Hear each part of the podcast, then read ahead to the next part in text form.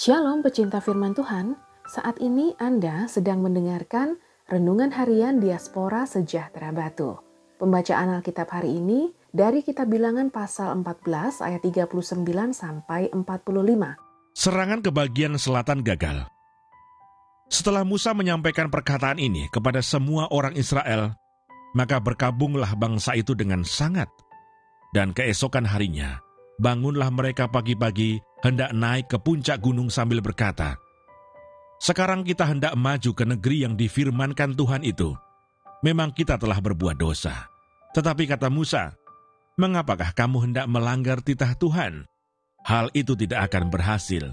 Janganlah maju, sebab Tuhan tidak ada di tengah-tengahmu supaya jangan kamu dikalahkan oleh musuhmu. Sebab orang Amalek dan orang Kanaan ada di sana di depanmu, dan kamu akan tewas oleh pedang. Dari sebab kamu berbalik membelakangi Tuhan, maka Tuhan tidak akan menyertai kamu. Meskipun demikian, mereka nekat naik ke puncak gunung itu. Tetapi tabut perjanjian Tuhan dan Musa juga tidaklah meninggalkan tempat perkemahan. Lalu turunlah orang Amalek dan orang Kanaan yang mendiami pegunungan itu dan menyerang mereka. Kemudian orang-orang itu mencerai beraikan mereka sampai ke Horma. Ayat Mas hari ini dari bilangan 14 ayat 42. Janganlah maju, sebab Tuhan tidak ada di tengah-tengahmu, supaya jangan kamu dikalahkan oleh musuhmu. Bilangan 14 ayat 42. Renungan hari ini berjudul Mengerti Penyertaan Tuhan. Konsekuensi merupakan salah satu cara untuk memberikan efek jerah kepada pelaku pelanggaran, sehingga dengan demikian kesalahan yang sama setidaknya tidak terulang lagi. Allah memberikan konsekuensi kepada kesepuluh pengintai dengan membunuh mereka. Akibatnya bangsa Israel mulai takut kepada Allah. Dengan demikian mereka percaya bahwa tanah Kanaan adalah tanah yang Tuhan berikan kepada bangsa ini. Oleh karena itu mereka berusaha merebut tanah tersebut di bagian selatan, namun mereka mengalami kegagalan.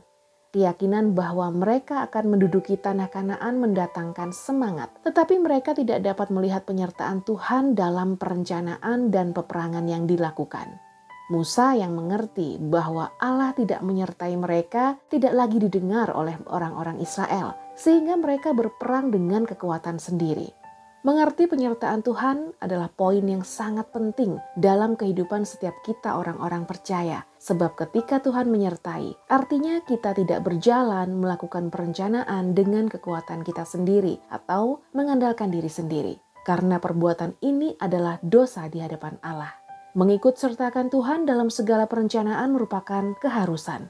Sebab segala sesuatu yang kita miliki adalah dari Dia, dan jika kita mengikut sertakan Tuhan dan mengerti bahwa Allah menghendaki rencana yang kita buat, maka Dia juga akan membuka jalan, memberi hikmat, sehingga kita mengerti apa yang harus dilakukan. Dan Dia juga menyertai, melindungi, supaya kita tetap berjalan di dalam kebenarannya. Jadi, jangan pernah tidak mengerti penyertaan Tuhan dalam menjalani kehidupan ini. Di sanalah mereka ditimpa kekejutan yang besar sebab Allah menyertai angkatan yang benar. Mazmur 14 ayat 5. Tuhan Yesus memberkati.